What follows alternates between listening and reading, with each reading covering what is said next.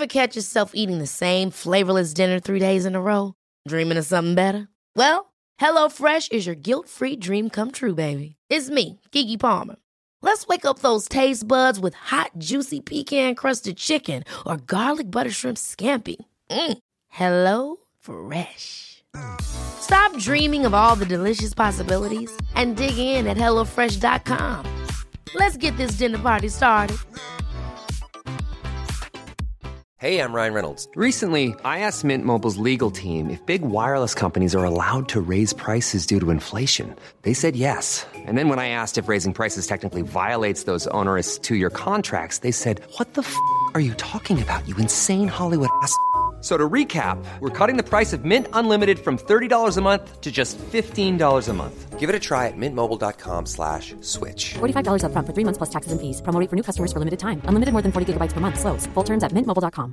Even on a budget, quality is non-negotiable. That's why Quince is the place to score high-end essentials at 50 to 80% less than similar brands. Get your hands on buttery soft cashmere sweaters from just 60 bucks, Italian leather jackets, and so much more. And the best part about Quince, they exclusively partner with factories committed to safe, ethical, and responsible manufacturing. Elevate your style without the elevated price tag with Quince. Go to quince.com slash upgrade for free shipping and 365-day returns. Stärk ditt psykologiska kapital. Mm. Det här att kunna känna hopp och tilltro inför framtiden. Att vara trygg i att veta vad man själv kan klara av. Alltså ha ett gott självförtroende och att kunna hantera motgångar. Ja, det är värdefulla förmågor som vi alla skulle behöva lite grann av i alla fall i ryggsäcken. Ja, och tyvärr så får man dem inte av att bara tänka positivt eller uttala affirmationer om att man är bäst. Det krävs eh, faktiskt ja, det krävs en hel del mer än så. Ja, det kanske är tur det. Det skulle vara lite tråkigt livet om man bara kunde säga vad man ville. Men som tur är också då, finns det ju forskning på vad som faktiskt utgör och skapar mental styrka i oss. Och som tur är har vi med oss Stefan Söderfjell idag för att prata om just det. Varsågoda och god lyssning!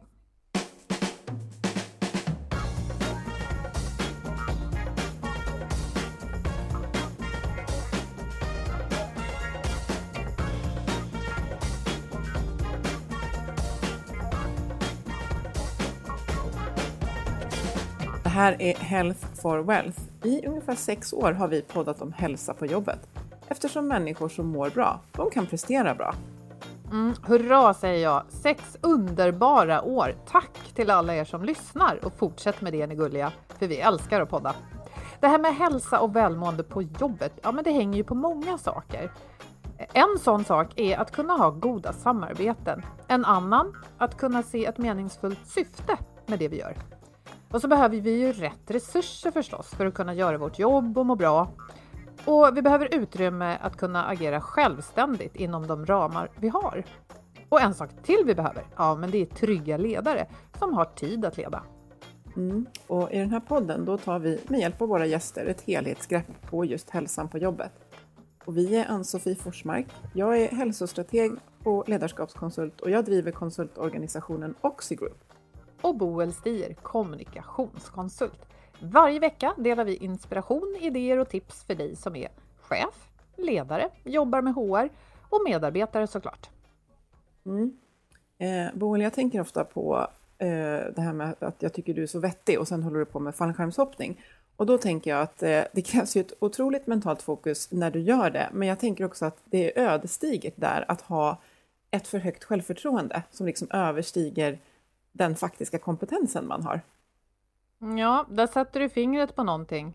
Eh, ja, men till att börja med det här med mentalt, mentalt arbete och fallskärmshoppning. Jag tror inte nödvändigtvis att det är så att det är mer, alltså, mer mentalt starka människor som hoppar fallskärm än som spelar golf eller gör andra saker. Däremot vet jag av egen erfarenhet att du kan inte hoppa fallskärm utan att vara tvungen att jobba mentalt. Mm. Och det är väldigt lärorikt.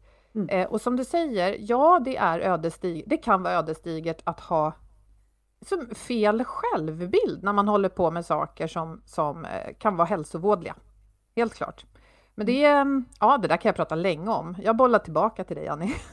Ja, men jag tänker att det blir så otroligt, eh, vi har pratat om det flera gånger, att, att eh, det, det som krävs för att hoppa fallskärm och så tittar man på det som krävs för det som jag har hållit på med lite tidigare, att, att springa väldigt, väldigt långt. Liksom det, är, eh, det är ju verkligen att vara i kontakt med sin mentala styrka och veta styrkor och svagheter, men det är olika saker som påverkar.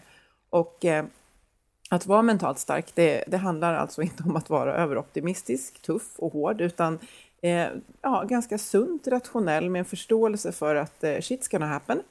Eh, men sen kan det bli bra igen. Och när det blir tufft så har jag en motståndskraft att hantera det och stötta mig själv genom det. Ja, men så upplevde i alla fall jag det lite grann eh, när jag reflekterar själv, men också stärkt av att ha läst Stefan Söderfjälls är den senaste lilla boken som heter just En liten bok om mental styrka. Och Stefan är med oss för tredje gången. Välkommen! Tack så jättemycket! Tredje gången gilt kanske? Ja, ja. ja men vi får se.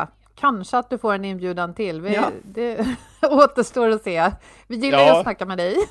Ni, ni, ger mig förnyat förtroende tills jag har haft något vettigt att säga kanske. Det... så kan man så, uttrycka det. Så uppskattat innan.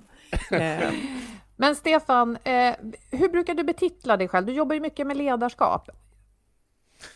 Ja, den återkommande frågan. Jag har en formell titel som är filosofie doktor i psykologi, eh, vilken är sprungen ur min bakgrund som forskare. Men sen kan jag titulera mig som författare, föreläsare, organisationskonsult eh, kan jag väl också titulera mig, även om jag inte idag jobbar praktiskt som konsult längre. Men eh, det jag ägnar stor del åt är ju att föreläsa och författa böcker.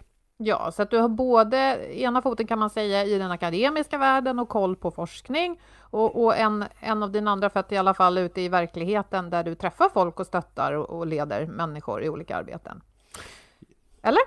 Ja, eh, jag har försökt göra det till min grej att eh, utgöra någon form av bro mellan eh, forskningsbaserad kunskap och livet utanför akademin med någon form av eh, möjligen idealistisk eh, idé om att den här kunskapen ska kunna användas för att göra tillvaron lite bättre för människor, både på och utanför arbetet. Ja, men det är ju rätt, för det är ju det kunskap är till för, eller borde vara till för i alla fall.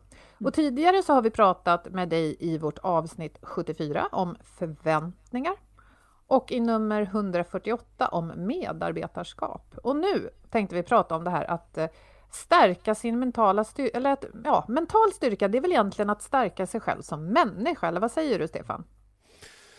Eh, I mångt och mycket är det det. Eh, och när jag pratar om mental styrka så avser jag ju då en eh, ganska specifik uppsättning mentala resurser som går under namnet psykologiskt kapital och som populärt brukar beskrivas som Hero-modellen utifrån de inledande bokstäverna i komponenterna i vårt psykologiska kapital. Hope, Efficacy, Resilience och Optimism på engelska och det bildar då Hero. Och det lämpar sig ganska väl för att beskriva vad det handlar om. Det är den inre hjälten vi har i varierande utsträckning och som vi med olika insatser kan locka fram för att göra tillvaron om möjligt lite bättre för oss själva. Och så blir vi kanske vår egen hero då, då om vi lyckas med de här. Om vi lyckas med det här, precis. Då, eh, då blir vi vår egen hjälte. Mm. Ja, och jag, jag, tänker zooma ut lite. Är det här, om man tittar på mental styrka, är det den här modellen som du skulle säga att det handlar om? Eller finns det andra modeller eller andra spår? Eller liksom, ja, förstår du vad jag är ute efter? Ja, det, det, det, finns såklart andra spår och den här modellen fångar inte upp allt som är viktigt när det gäller mentala färdigheter och resurser, utan eh, den här modellen eh, föddes i början på 2000 i gränssnittet mellan den positiva psykologin och organisationspsykologin. Och eh, eh, för att någonting då ska vara att betrakta som ett psykologiskt kapital så ska det uppfylla ett antal kriterier. Det ena är att det ska finnas en, en gedigen, robust forskningsbas med vedertagna metoder och verktyg för att studera de här eh, komponenterna. Eh, en andra är att det ska vara påverkbart, det vill säga det ska inte vara någonting som är eh, genetiskt. Även om de här till viss del är genetiskt så ska det inte vara 100% genetiskt betingat. Eh, och Eh, Eh, en tredje komponent är att eh, det ska vara av generellt värde så att du ska kunna eh, ha användning och nytta känslomässigt och beteende och prestationsmässigt i en rad olika situationer och sammanhang. Inte bara på jobbet och inte bara inom idrotten eller i familjen utan det ska ha en, en hög generaliserbarhet. Och då fann man att det är fyra komponenter som eh, fram till dags dato bäst lever upp till de här kriterierna. Och det är då de här komponenterna hopp, självförtroende, resiliens och optimism. Mm. Men alla de där vill man ju ha. Vilken brukar du behöva jobba mest med själv, Stefan? Jag behöver jobba med allihop och ju äldre jag blir får jag nog bittert erfara att jag eh, får jobba hårdare och hårdare på att eh, underhålla och, och, hålla liv i den här inre hjälten. Men det som kanske framförallt ligger, eh, ligger på min näthinna är just hopp. Det här med att ha en ehm, eh, klar insikt i vad jag vill med mitt liv. Saker som jag vill uppnå, förverkliga och vad jag behöver göra för att kunna åstadkomma det. Och där känner jag att eh, från att ha haft väldigt tydliga och utmanande mål under väldigt lång tid eh, i mitt liv så famlar jag lite mer med att hitta målbilder som känns attraktiva för mig. Så det jobbar jag med eh, väldigt frekvent kan man säga. Mm. Ja, nej, men då tänker jag spontant att den här delen med resiliens, alltså motståndskraft, om den då är stark, eller man ska säga, kan den då hjälpa att, att liksom hantera att jag är lite låg på, på hopp? Kan den hjälpa dig att hantera, ja, jag känner, ja, det, det, jag tror att alla de här komponenterna de är ganska högt korrelerade. Det vill säga det råder en ganska stark samvariation mellan de här komponenterna. Och det mm. innebär att du kan jobba med att stärka en av komponenterna och det kommer gissningsvis ha positiva följdverkningar eh, åt det andra hållet. Och eh, om du har en stark motståndskraft och om du inte dukar ner i perioder där det går dig emot, eh, det vill säga du har en god resiliens, så är det gissningsvis så att det också kommer att eh, kunna ha en bra rebound på att du hittar nya mål att jobba mot. Så att det är nog inget orimligt antagande. Men om jag tänker så här på eh, problem och, och vardagliga utmaningar som jag skulle gissa i alla fall att många brottas med så den av de här fyra som någonstans hoppar ut är ändå resiliens. Därför att då tänker jag så här, ja men hoppet är ändå det sista som lämnar människan brukar man säga. Eh, självförtroende i och för sig kan se väldigt olika ut, även optimism. Men liksom, ja, lite som du var inne där på Annie, om resiliensen brister så har jag en känsla av att, att allt skulle ramla ihop som ett korthus. Var, var är det man brukar behöva gå in om man jobbar med människor om de här frågorna? Eh, resiliens tycker jag eh, skiljer sig åt lite jämfört med de här tre övriga. De är lite mer enkla i sin natur. De, de är lite mindre mångfacetterade och komplexa medan resiliens mer är ett sammelsurium av olika eh, parametrar varav de övriga tre komponenterna är en viktig byggsten i ens resiliens. Men du har din fysiska förmåga, det vill säga huruvida du tar hand om dig själv, äter sunt, sover, vilar, tränar. Eh, du har ditt, eh, ditt eh, sociala kapital, det vill säga hur, hur eh, bra ditt sociala nätverk av ömsesidigt eh, sunda relationer ser ut som du kan få stöttning och hjälp i. Du har i vilken utsträckning du upplever meningsfullhet i ditt liv är en sån här parameter som påverkar din resiliens. Det finns en rad olika sådana här saker. Så den är lite mer komplex och mångfacetterad eh, än de övriga eh, skulle jag säga. Betyder det då att, man, att det är enklare att gå in och jobba med någon av de andra tre beståndsdelarna? Eh, ja och nej. Eh, för det som är fördelen med resiliens naturligtvis är att eh, eh, det är relativt enkelt, åtminstone i teorin, att jobba med sin fysiska hälsa.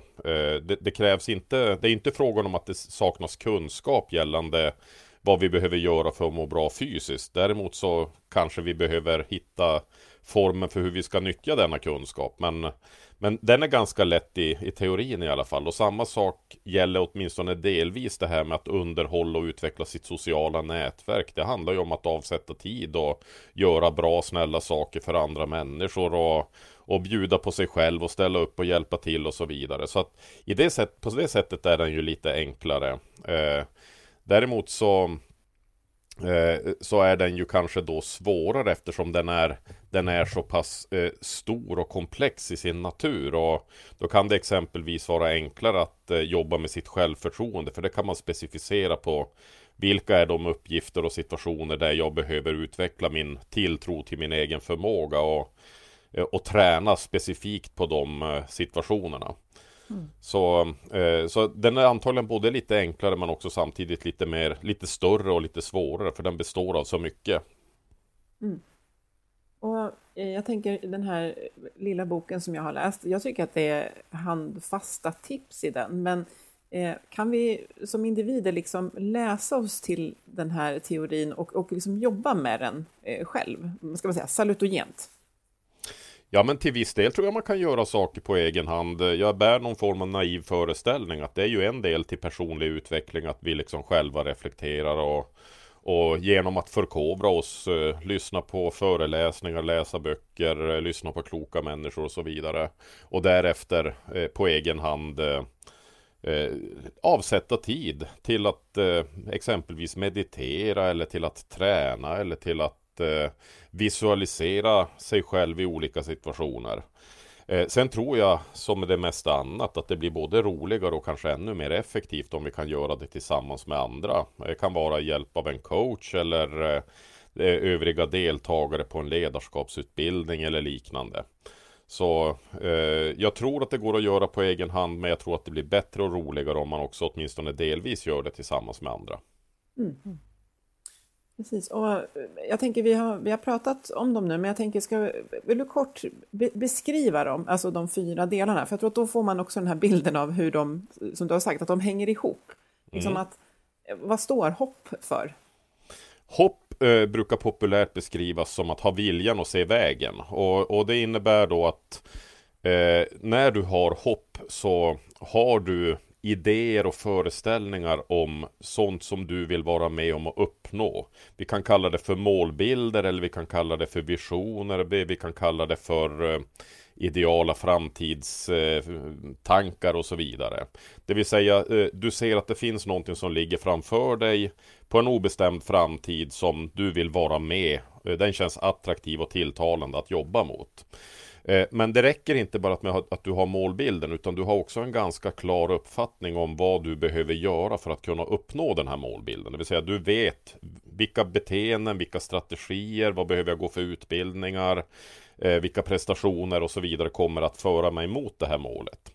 Men det räcker inte med det heller utan forskningen har visat att eh, om det bara stannar vid mål och och planer för målen, då blir det lätt till sådana här eh, idealbilder. Och verkligheten blir ju sällan exakt så som våra fantasier och planer, utan vi möter på olika typer av problem. Och då har man funnit att eh, eh i ett bra realistiskt grundmurat hopp så har man också redan i samband med att man formulerar målbilder och planer en medvetenhet kring olika problem man kommer att möta. Och man, man vidtar medvetet fokus på att rikta tänka om problem som kommer att uppstå och vad man kan behöva göra för att förekomma och, och hantera de problemen. Så, så det är hopp kan man säga. Men vad intressant för att jag tänkte så här, hopp för mig är det en liksom luddig sak men som känns starkt i bröstet. Alltså någon slags att man tror på, på framtiden på något sätt. Att man tror att framtiden kan bli bra eller till och med bättre.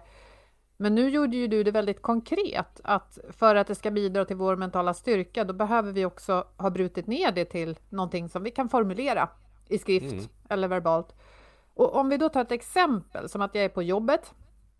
Jag eh, trivs rätt bra, men jag, jag vill ha någon typ av utveckling och då hoppas jag på den här utvecklingen. Och det kanske handlar både om min egen utveckling och om företaget som sådant.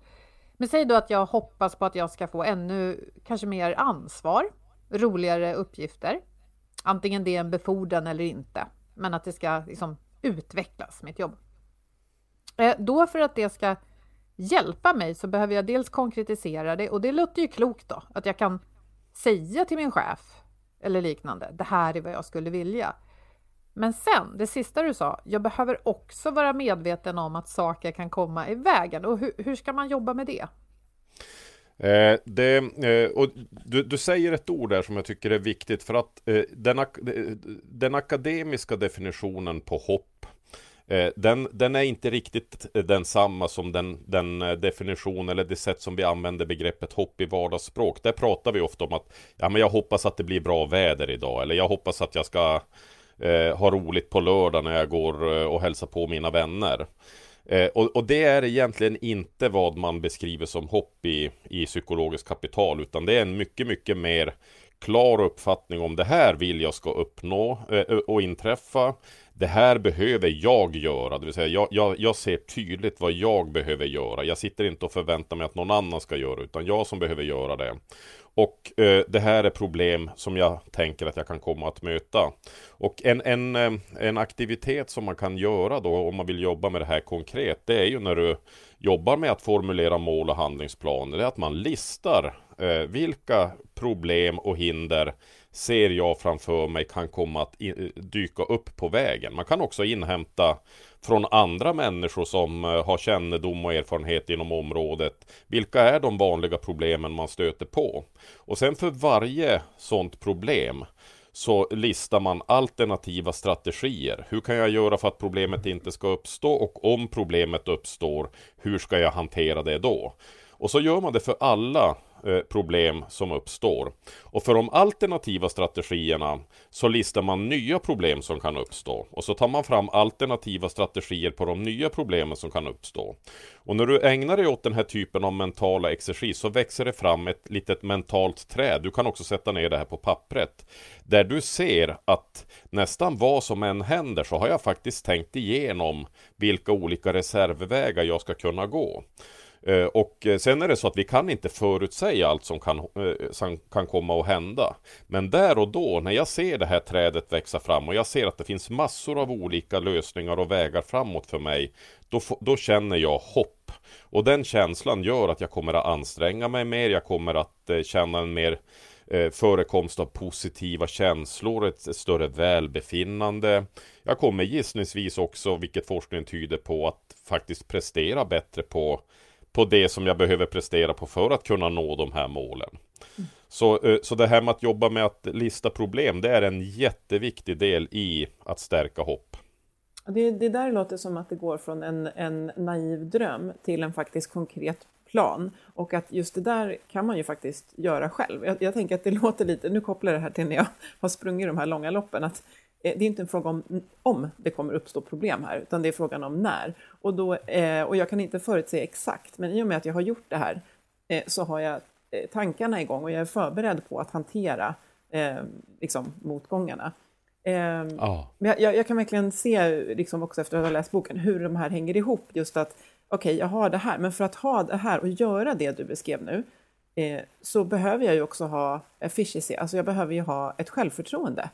Mm. Så hur, hur hänger den självförtroende... För den tror jag att väldigt många har en åsikt om att jag har högt eller lågt självförtroende och mm. eh, det rör sig upp och ner och sådär. Eh, så den, den, även om inte djupare i alla, men just självförtroende mm. tror jag att... Eh, ja, men den, mm. eh, den är eh, om möjligt ännu mer fundamental, alltså en ännu mer fundamental eh, komponent i vårt psykologiska kapital. Självförtroende finns ju en massa föreställningar kring vad det är, men, men eh, eh, så som det definieras eh, i forskningen på självförtroende så är det helt enkelt den tilltro som du har till din förmåga att utföra de eh, operationer beteenden, aktiviteter som krävs för att kunna liksom, eh, nå fram till ett lyckosamt utfall i, i någonting. Om du ska lägga en straffspark exempelvis, att du har en tilltro till din förmåga att slå bollen på ett visst sätt till ett visst speciellt ställe.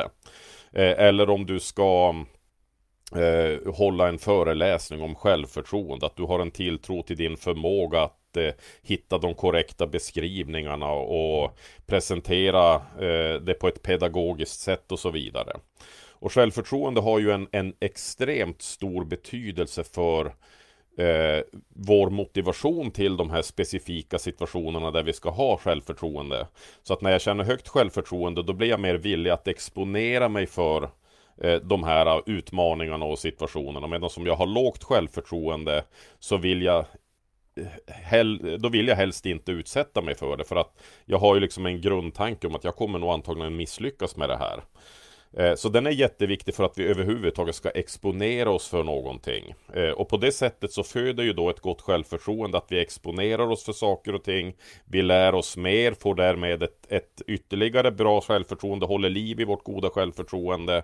Så att det blir en positiv spiral. Medan det omvända gäller då om vi har lågt självförtroende. Då undviker vi det som gör att vi bränner fingrarna så att säga. Eh, och därmed får vi heller inte möjlighet att, att utvecklas och bli bättre på det här. Utan vi hamnar i ett eh, i någon form av inlärd hjälplöshet kopplat till det här som vi egentligen skulle kunna lära oss kanske, men som vi har bestämt oss för att vi har dåligt självförtroende för. Så, så den är ju jätteviktig för hopp naturligtvis, för att eh, är det så att jag har börjat generalisera mitt självförtroende till att eh, det är väldigt få saker i livet som jag klarar av så är det klart att då kommer jag ha svårt också att se hur jag ska nå mina mål. Ja, det låter ju som att man behöver jobba ordentligt med alla de här delarna. För jag tänker, själv, nu, nu berättar ju du om hur självförtroendet kan hjälpa oss om vi har det och hur det kan hjälpa oss om vi inte har det. Eh, men sen är det väl också så att vi kan ha ett jättestort självförtroende fast vi inte alls kan någonting och så blir det jättefel. Mm. Eh, lite som du sa Ann-Sofie, jag hoppar fallskärm, jag ser inte farorna och så dör jag. Ja, men det är ju liksom extremsituationen. Mm. Men också då eh, lite så här, ja, men jag har jättelågt självförtroende så jag testar aldrig och då, då lär jag mig aldrig och ingen ser att jag egentligen har en massa potential. Så liksom hur hänger det där ihop i den här modellen? Är det någon slags Eh, realistiskt eller verklighetscheckat självförtroende. Ja, men det, det, där är jätteviktigt och jag brukar kalla det för uppblåst eller dopat självförtroende när du helt enkelt tror mer om din förmåga än vad din förmåga eh, egentligen räcker till. Eh, och eh, ibland kallas det där för omedveten inkompetens och, och används lite andra uttryck. Och det är jätteviktigt naturligtvis att regelbundet realitetspröva eh, ens eh, antagna prestationsförmåga med hur det faktiskt ser ut i praktiken. Och det kan man ju göra genom att man frågar människor runt omkring sig. Man kan filma sig och observera sitt faktiska beteende. Man kan försöka hitta olika typer av eh, eh utvärderingsbara och mätbara indikatorer på vad som utgör en god prestation och sen jämföra med hur man trodde att man hade presterat och se om det var ett glapp däremellan. Överlag så skulle jag ju säga att det såklart är mycket bättre att ha ett bra självförtroende än ett dåligt självförtroende. Men, men det är viktigt att det också är eh, förankrat i en, eh, en realitet. Kan man till och med säga så här att för att komponenten självförtroende ska hjälpa oss med mental styrka så, så kan det väl vara eh, en, en bild av vad vi kan och vad vi behöver stärka upp med? Ja, absolut. Och eh, jag tror ju att i grund och botten så kanske det inte är någon fara om vi då och då har lite dopat självförtroende. För det gör att vi ändå exponerar oss för situationer och då kanske vi får en realitetscheck att ja men det där blev inte så bra. Men vårt självförtroende gjorde att vi ändå exponerade oss för det där och vi ser att då behöver jag justera och förändra det här och bli bättre på det. Medan om jag hade haft ett lågt självförtroende från början så hade jag inte ens exponerat mig för det. Mm. Så, att, eh, så att överlag så är det nog ändå bättre att ha ett, ett förhållandevis gott självförtroende. Även om det någon gång då och då är dopat. Och i vissa specifika situationer direkt farligt naturligtvis. Om det är så att jag eh, exponerar mig för direkt livsfarliga situationer på grund av att jag tror att jag är förmögen att hantera det här när jag egentligen inte är det. Mm, ja. Jag tänker också på förmågan att kunna liksom eh, eh freestyla när man hamnar i problem och, och, behöver lösa det direkt. Där kan väl också ett gott självförtroende hjälpa oss att oj då, nu, nu kom någonting, ett problem åkande, att man tänker att nu löser vi det istället för att man kryper in i sitt skal och liksom, ja. Så. Ja, men, men någonstans blir det ju så att över tid när du eh, märker att du lyckas lösa olika typer av mer specifika problem som du möter i ditt jobb eller privat så börjar du ju generalisera och säga att ja, men jag verkar ha en relativt god förmåga att hantera ett lite bredare spektra av problem som jag möter på. Vilket gör att självförtroendet eh, så att säga blir mer generellt. Eh, och, eh, och det fångas egentligen eh, ganska väl upp i den fjärde komponenten av psykologiskt kapital, optimism. Mm. Det, den, den avser ungefär eh, det här med ett generaliserat självförtroende. En överlag tro på att det, det, här kommer nog att gå bra. Mm. Eh, och det kommer ordna sig det här. Eller vi löser det när någonting inte går bra, men vi fortsätter, vi kör på. Ja, exakt. Jag, kan, jag ser framför mig liksom en, en situation där jag eh, vill ta med, som Boel säger, vill ta mig an någonting kanske på jobbet eller vad det är och jag, genom hoppet så kan jag planera planen och se utmaningarna, men jag har en optimism som gör att säga, men det, det här kommer, det kommer gå bra, jag kommer kunna göra det här bra. Mitt självförtroende gör att jag vet också vilka utmaningar det är som kommer dyka upp för mig på den här vägen framåt, att jag kommer behöva stärka upp det här. Och sen resiliensen, när, när väl de här problemen kommer och jag hamnar i dem, oförutsedda eller förutsedda, så har jag en motståndskraft för att liksom ta mig upp mm. på vägen igen. Så att eh, man ser ju verkligen hur de här liksom hänger ihop. Och jag tänkte innan det här så, så hade jag en fråga som var kring att det har varit tuffa tider för många. Och då tänkte jag att vi skulle ställa den till dig utifrån att vi behöver stärka hoppet. Men nu när jag mm. tänker efter så är det ju faktiskt mer eh, förmågan att tänka liksom optimistiskt, eller, man ska säga, eller känna optimism. Mm. Och jag tänker, är den, är den svår att stärka, optimism? För den känns så, ja, Ja, det, den på sätt och vis är den nog lite, lite svårare eh, att stärka. Dels skulle jag tro att, utan, nu är jag möjligen ute på halis, men jag tror att den möjligen har en något starkare genetisk komponent eftersom den är kopplad till våran eh, eh allmänna positiva affektiva eh, tillstånd. Eh, men eh, optimism är ju verkligen ett tveeggat svärd. Det finns massor av forskning som visar att här kan det bli för mycket av det goda när vi blir dumdristigt naivt eh, eh, positiva och tycker att ja men allting är ju jättebra. Det finns inga problem här. Och eh, den optimism som eh, jag försöker föra fram Den är en väldigt realistisk optimism Som handlar om att nyansera saker man är med om eh, Och eh, den tar utgångspunkt i Eh, optimism avser ju då helt enkelt ett överlag rätt positivt sätt att se på tillvaron och det man är med om. Eh, men, men det i sin tur är, är grundat i hur vi tolkar de specifika händelser som vi är med om i våra liv och framförallt när vi är med om negativa händelser. Det är ju så, vi, vi är ju med om både roliga, bra, positiva saker, väldigt mycket ne neutrala saker som varken är bra eller dåliga och sen är vi med om dåliga saker. Vi Eh, vi eh, för, missar ett säljmöte, vi förlorar en fotbollsmatch, vi blir nekade dansen på dansbanan, vi, eh, aktiekursen går ner, eh, vi går igenom en separation och så vidare. Och eh, hur vi eh, så att säga för oss själv förklarar de här negativa händelserna som vi är med om. Det verkar vara eh, optimismens signum. Där en optimist, till skillnad från en pessimist, Eh, förklara negativa händelser något mer som tillfälliga saker. Ja, okej, okay, det här blev inte så bra den här gången, men, eh, men om jag fortsätter ett tag till så kommer det här nog att lösa sig. Det, det kommer gå över. Det här är inte bestående för all framtid. Optimisten i skillnad från pessimisten ser det här också som ganska situationsspecifikt. Så att ja, eh, just den här situationen blev det ju inte så bra, men i förmiddag så blev det jättebra. Det vill säga man, man nyanserade till att det, var, det gällde i den här situationen. Och slutligen så ser man att det är ett optimistiskt sätt att förklara saker och ting ligger lite grann utanför ens egen person. Eh, man, man, eh, pessimisten tänker mer att ja, det beror ju på mig. Jag är ju hopplös. Jag har inte det som krävs och det, det är liksom eh, min, mina karaktärsbrister och min kompetensbrist det är fel på. Medan optimisten säger att ja, jag hade antagligen kunnat använda andra strategier i det här. Men det finns många olika parametrar som förklarar varför det blev som det blev. Jag ska se vad jag kan göra för att förändra det här.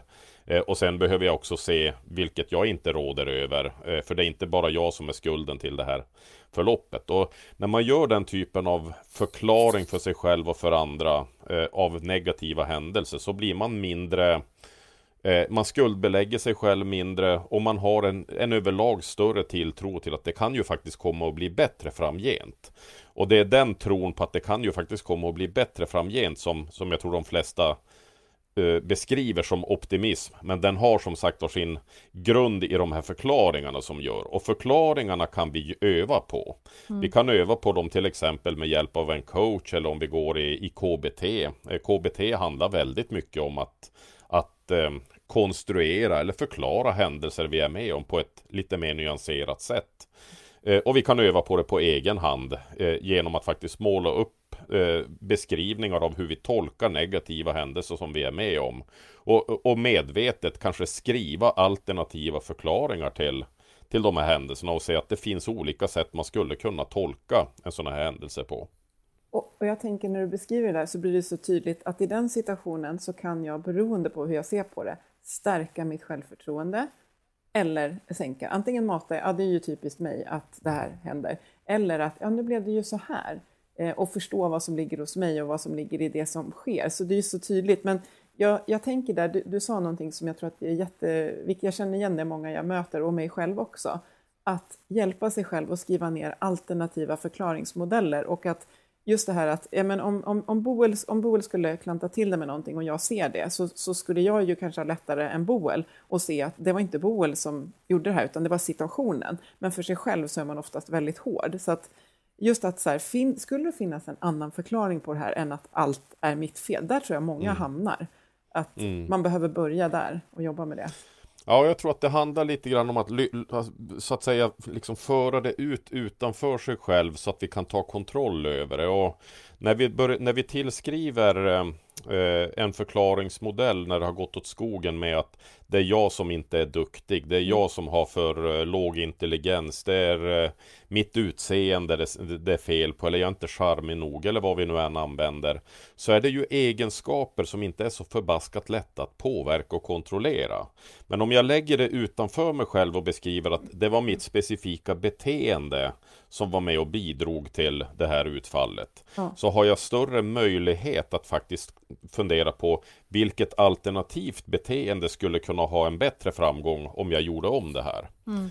Eh, så att eh, eh, det handlar inte om att man ska liksom friskriva sig från ansvar och säga att ja men det var domarens fel att vi förlorade eller det var läraren som hade dåliga instruktioner till provet utan det handlar om att se att ett negativt utfall beror på många olika saker. Och en av de sakerna det är hur jag valde att agera i den här situationen.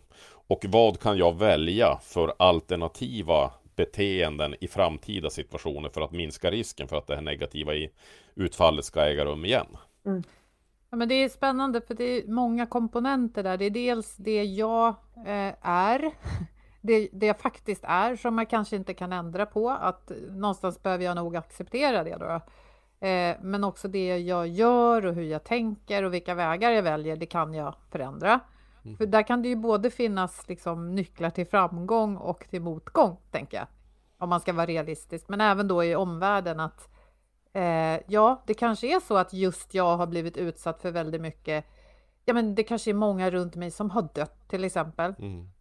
Jag kanske och det, det kan jag antagligen inte, om det inte var så att jag liksom körde ihjäl någon i en bilolycka eller så här, så är det ju oftast inte mitt eget fel, utan då behöver jag bara kunna hantera det. Men mm. om jag blir uppsagd gång på gång från massa olika mm. jobb, då tänker jag, då, då måste jag väl ändå börja fundera på, inte om det är fel på mig, men hur jag kan göra annorlunda. Mm. Och det är nog väldigt lätt att man börjar tänka att det är något fel på en om man, om man stöter på samma motgång gång efter gång. Eh, så det här är ju inte lätt på något vis. Eh, men, eh, men det är fortfarande så att om jag då bestämmer mig för att det är fel på mig så då kommer jag ju definitivt inte att ens försöka anstränga mig för att hitta alternativa vägar utan jag har ju redan då bestämt mig för att det är mig det är fel på. Det kommer alltid bli tokigt. Det blir en återvänds, återvändsgränd hur som helst. Liksom. Ja, det blir ju det. Eh, och eh, då, då är det gissningsvis mer konstruktivt att att fundera på eh, vad är det jag har gjort som har bidragit till det här. Sen är det självklart så att i vissa situationer så har man också helt rätt i att eh, totalt skjuta ifrån sig ansvaret. Om man har varit i en dysfunktionell relation med en person som fysiskt och psykiskt har misshandlat en helt ex exempelvis. Så är det klart att eh, den händelsen det är ju förövarens fel att det här har hänt. Sen behöver jag naturligtvis ändå fundera på Finns det saker i mitt beteende som jag behöver ändra på för att jag ska komma ur den här relationen? Eh, men, men det är ju viktigt eh, att inte ta åt sig att det beror på mig. Jag var förtjänt av det här. Mm. Eh, och vilket är lättare sagt än gjort naturligtvis. För att framförallt om jag har en naturlig pessimistisk läggning så kommer jag ju att suga åt mig som en svamp och, och skuldbelägga mig själv. Mm. Bekräfta liksom. Ja. Mm. ja. Det är inte lätt att vara människa tänker jag. Men eh, det som jag gillade med boken och, och det vi ändå så berör att man kan göra här nu det är att det Eh, det, det är väl underbyggt liksom, av, mm. av, av, vetenskap och att jag tror att man, eh, man behöver på något sätt att ta tid att tänka om hur man tänker kring sig själv och hur man tänker kring de här delarna och att eh, det finns säkert eh, Alltså det, finns inget, det är ingen som är perfekt och jag tänker att vi också balanserar upp varandra. Att eh, mm. om vi har ett gäng med, med lite för överoptimistiska, högt självförtroende eh, så finns det kanske både en säkerhet och liksom faktiskt framgångsaspekt i att det är några som är lite mer pessimistiska. Så att, eh, vem man än är så, så, så, behövs man. Men det är klart att utifrån sitt mående eh, så känns det som att det finns hopp om att kunna stärka upp de här fyra, fyra delarna faktiskt för sig själv. Men vilket jag vet att du har pratat om, coaching har väldigt positiv effekt mm. på det här. Det är ju jättekul att se att forskningen på coaching har exploderat det sista decenniet och det finns nu ett flertal metaanalyser som har summerat effekter av coaching och funnit att det eh, fungerar väldigt väl för en rad olika typer av eh, problemställningar och utvecklingsområden. Och eh, jag fann nyligen en studie där man har tittat på effekter av coaching just på psykologiskt kapital där man har sett att coaching tycks stärka det psykologiska kapitalet vilket i sin tur då eh, ökar välbefinnande och, och välfungerande. Så att eh, coaching är en, eh, en metodik eller en samling metoder som man absolut kan använda sig utav. Mm. Mm. Ja, det känns ju som att det här att få syn på sig själv och sina beteenden och vad man har för möjligheter och vad man har för hinder. Det, det, det kan det vara klokt att använda andra för att liksom, bilden ska bli både klar och eh, sådär verklighetscheckad som vi snackade om mm. tidigare. Och jo jobbigt också. Och svårt och det gör, ja. det gör ju ont. Gör ont eh, Men det är samtidigt så att det är bättre vi får veta det och kan göra någonting åt det än att gå omkring med skygglappar. Ja, verkligen. Absolut. Mm. Tusen tack. Jag kan varmt rekommendera eh, att läsa, inte bara den boken, men, men eh, den, jag tänker jag som har läst flera av dina, den är ju verk, verkligen riktad till mig som individ. Eh, det är inte så mycket mm. om jobbet i den. Det är inte, mycket, mm. det är inte ledningsgrupp, eller, utan det, den kan man ta till sig som, som privatperson också, men den mm. hjälper definitivt på jobbet. Mm. Absolut, det, det, var min tanke när jag skrev den, att den ska ha lite bredare en lite bredare publik än, äh, än tidigare böcker. Äh, och psykologiskt kapital och äh, de här typerna av mentala styrkor. Det är ju ganska lätt att se att de är viktiga även utanför jobbet. Mm. mm. Så mental styrka, psykologiskt kapital, det är i stort sett samma begrepp. Och jag kan tänka mig att ja, nu börjar den här pandemin ta slut, men utmaningar finns det gott om där ute. Och eh, eh, det här tyckte jag var ett jättebra samtal. Jag tänker på det här trädet, jag tar med mig det. det här, jag kan i och för sig bli lite så överväldigad när jag tänker att jag ska sitta och rita alla de där problemen och alla alternativa vägar. Jag tänker att om jag börjar med några grenar och mm. håller mig nära stammen, mm. så ja, bara att börja på känns mm. nyttigt. Mm. Absolut. Yes. Men eh, tack, tack, så hemskt mycket Stefan. Mm, och, igen. Eh, igen och, och, jag vill också repetera det här. Sex år, alltså det är ganska länge. Eller vad säger du Ann-Sofie? Ja, jag vet inte exakt när vi släpper det här, men det är ju nu. Jag vet att när jag sitter med solen i ögonen så här, då, då är det den tiden på året när vi börjar podda. Ja, så var det. Februari, mars någonting 2016. Ja. Ja, om det blir tioårsjubileum, då ja. får ni ta in mig på avsnitt. Eh, vi får väl se om det blir avsnitt fyra eller om vi har kommit ännu längre i våran serie. Då. Precis, det blir spännande. Vad kan vi prata om då? Ja. Underbart, det tycker det jag. Det ger mig ja. hopp att prata om sånt faktiskt. Ja. Mm. Vår samarbetspartner motivation.se de har flera artiklar på ämnet mental hälsa och mental styrka. Och den här veckan har vi valt en text av Lena Magnell som handlar om att för att hålla så behöver vi både personlig och mental hållbarhet. Vi lägger en länk i det här inlägget som vanligt eller i din poddapp. Mm. Och med det så tackar vi Stefan, vi tackar våra samarbetspartners Motivation.se och Agda Media som i sex år har producerat den här podden för oss med fantastisk hjälp. Och följ oss jättegärna på LinkedIn och kommentera jättegärna våra inlägg så kan vi prata med varandra där om mental styrka och annat. Och säg hej om ni vill och så hörs vi om en vecka igen. Må så gott! Hej då! Hej då! Hej hej!